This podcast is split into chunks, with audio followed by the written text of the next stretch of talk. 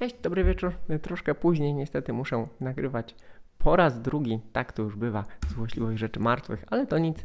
E, dzięki temu miałem troszkę więcej czasu, żeby e, zgromadzić trochę danych, zgromadzić troszkę więcej informacji po tym spektakularnym, niezmiernie trudnym etapie z metą na Blockhouse, który zamyka pierwszą część e, Giro d'Italia. Zamyka nieco niespodziewanie wygraną Jaya Hindleya i obroną koszulki lidera przez Juana Pedro Lopeza.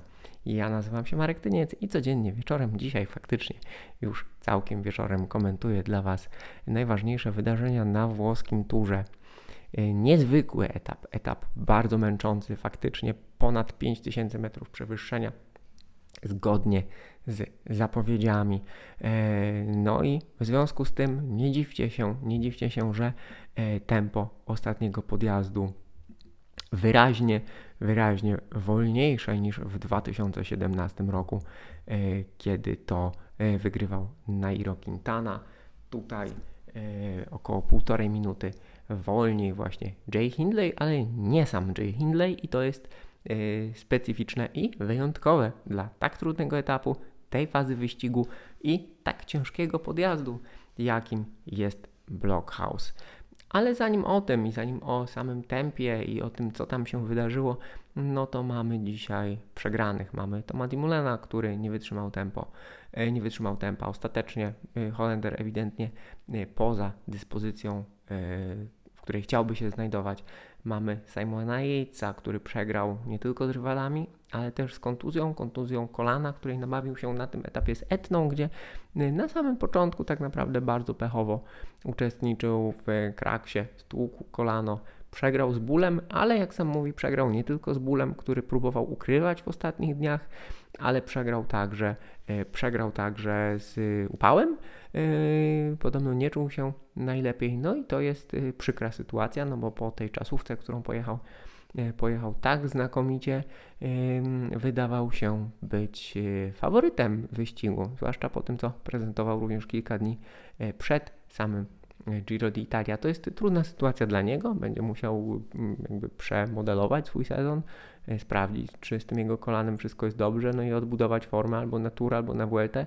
To jest również bardzo trudna e, sytuacja dla drużyny Bike Exchange, która ewidentnie w Giro d'Italia pokładała wiele e, nadziei na sporo punktów w rankingu mm, decydującym o przynależności do World Touru, także będą musieli ten wyścig jakoś ratować, ale i ratować cały sezon, a nawet mm, więcej.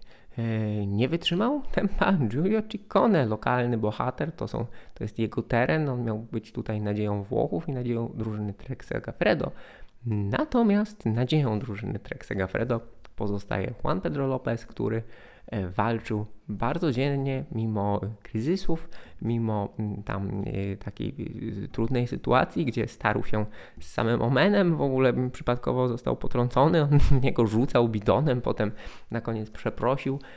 To całe zamieszanie też kosztowało go fakt, że no puścił koło, choć nie stracił bardzo dużo, bo stracił tylko minutę 46 do Hindleya i do całej czołowej grupy.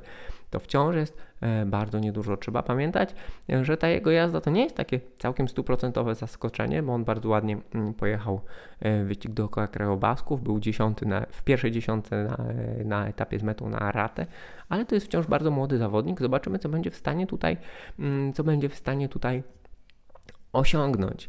E, sam Blockhouse. Sam Blockhouse nie można tego podjazdu um, oceniać w oderwaniu od całego etapu. Bardzo ciężkiego, bardzo, yy, bardzo wymagającego. Te 5000 metrów przewyższenia weszło w nogi. Yy, w związku z tym, no tutaj troszkę z jednej strony działo się wszystko jakby w zwolnionym tempie, z drugiej strony mm, no, zawodnicy byli przyduszeni, byli przyduszeni i wcześniejszym kilometrażem i wspinaczkami, ale też tempem, które od podnóża podjazdu y, nadawała drużyna Ineos Grenadiers na zmianę z drużyną Emiratów, e, drużyna Emiratów, która w ten sposób prawie ugotowała swojego lidera Almeida, ale ten dokonał rzeczy wielkich i również dzisiaj nic nie stracił. Mm, tak naprawdę no, rewelacyjna robota, którą wykonał Richie Port, to co to co Tasmańczyk tutaj zrobił, prowadził peleton bardzo długo, bardzo równym, bardzo mocnym tempem przez te nieregularne, nieregularne nastromienia na finałowym podjeździe i tak naprawdę to za jego sprawą nastąpiła jak największa selekcja, ostatecznie na około 8 km przed metą. Tam jechała tylko tylko dziesiątka, e, z której w zasadzie tylko Carapaz Landa i Bardet nie wyglądali jakby mieli bardzo duże problemy, choć realnie e, widać było na ekranie, że cierpieli wszyscy. Sytuacją rozruszał Carapaz, poszedł, poszedł do ataku, zanim pojechali Bardet i Landa. No i wydawałoby się, że tych trzech zawodników dojedzie, dojedzie, uzyska przewagę, zdominuje ten wyścig. Czekaliśmy, kto z tej trójki będzie próbował, zaatakuje skutecznie, no i tak naprawdę próbowali wszyscy, zmieniali tempo, zmieniał tempo i Carapaz, zmieniał tempo i Landa i Bardet. W zasadzie najlepiej najbardziej dynamicznie wyglądał Bardet, natomiast to wszystko nie wystarczyło, to rwane tempo dla odmiany z tyłu Hindley, ale przede wszystkim Almeida, który przezwyciężył kryzys i bardzo równym, bardzo mocnym tempem e, nadrabiał, nadrabiał, aż to wszystko się zjechało. No i to jest niesamowite, że mieliśmy, słuchajcie, mieliśmy na mecie e, realnie, mieliśmy na mecie siedmiu zawodników. No, to, jest, to jest coś, to jest coś wyjątkowego i niespodziewanego w ogóle wydawało się, ja się łapałem za głowę, wydawało się w pierwszej chwili, że o zwycięstwie po tak ciężkim etapie, po tak ciężkim podjeździe, o zwycięstwie będzie decydował fotofinish. E, tak to wyglądało z ujęcia kamery z przodu, natomiast realnie Hindley wygrał wyraźnie około koło przed Bardetem i Karapazem. To też ciekawe, no bo Karapaz zawsze jawił się jako taki zawodnik, który e, jest dość dynamiczny i potrafi rozgrywać finisze.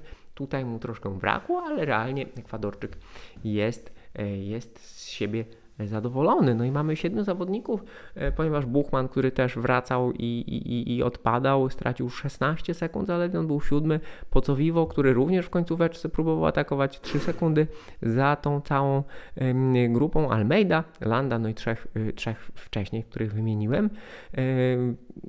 To jest bardzo blisko, to jest bardzo blisko jak na ten 40, około 42-minutowy wysiłek to jest wszystko no, w mgnieniu oka tak naprawdę. Zatem bardzo wysoki poziom. No i zobaczymy. Zobaczymy, bo to zapowiada bardzo wyrównaną rywalizację. Wszyscy są bardzo blisko. E, Dzisiaj mieliśmy ten miks, taki bardzo dziwny miks młodości, bo wielu znakomitych młodych zawodników, yy, Hindley, Almeida, ten broniący koszulki lidera, yy, ten broniący koszulki lidera Juan Pedro Lopez, ale mieliśmy też rewelacyjną jazdę weteranów Nibalego, Valverde, yy, Poco Vivo, Yy, no oni tutaj, oni tutaj zaimponowali.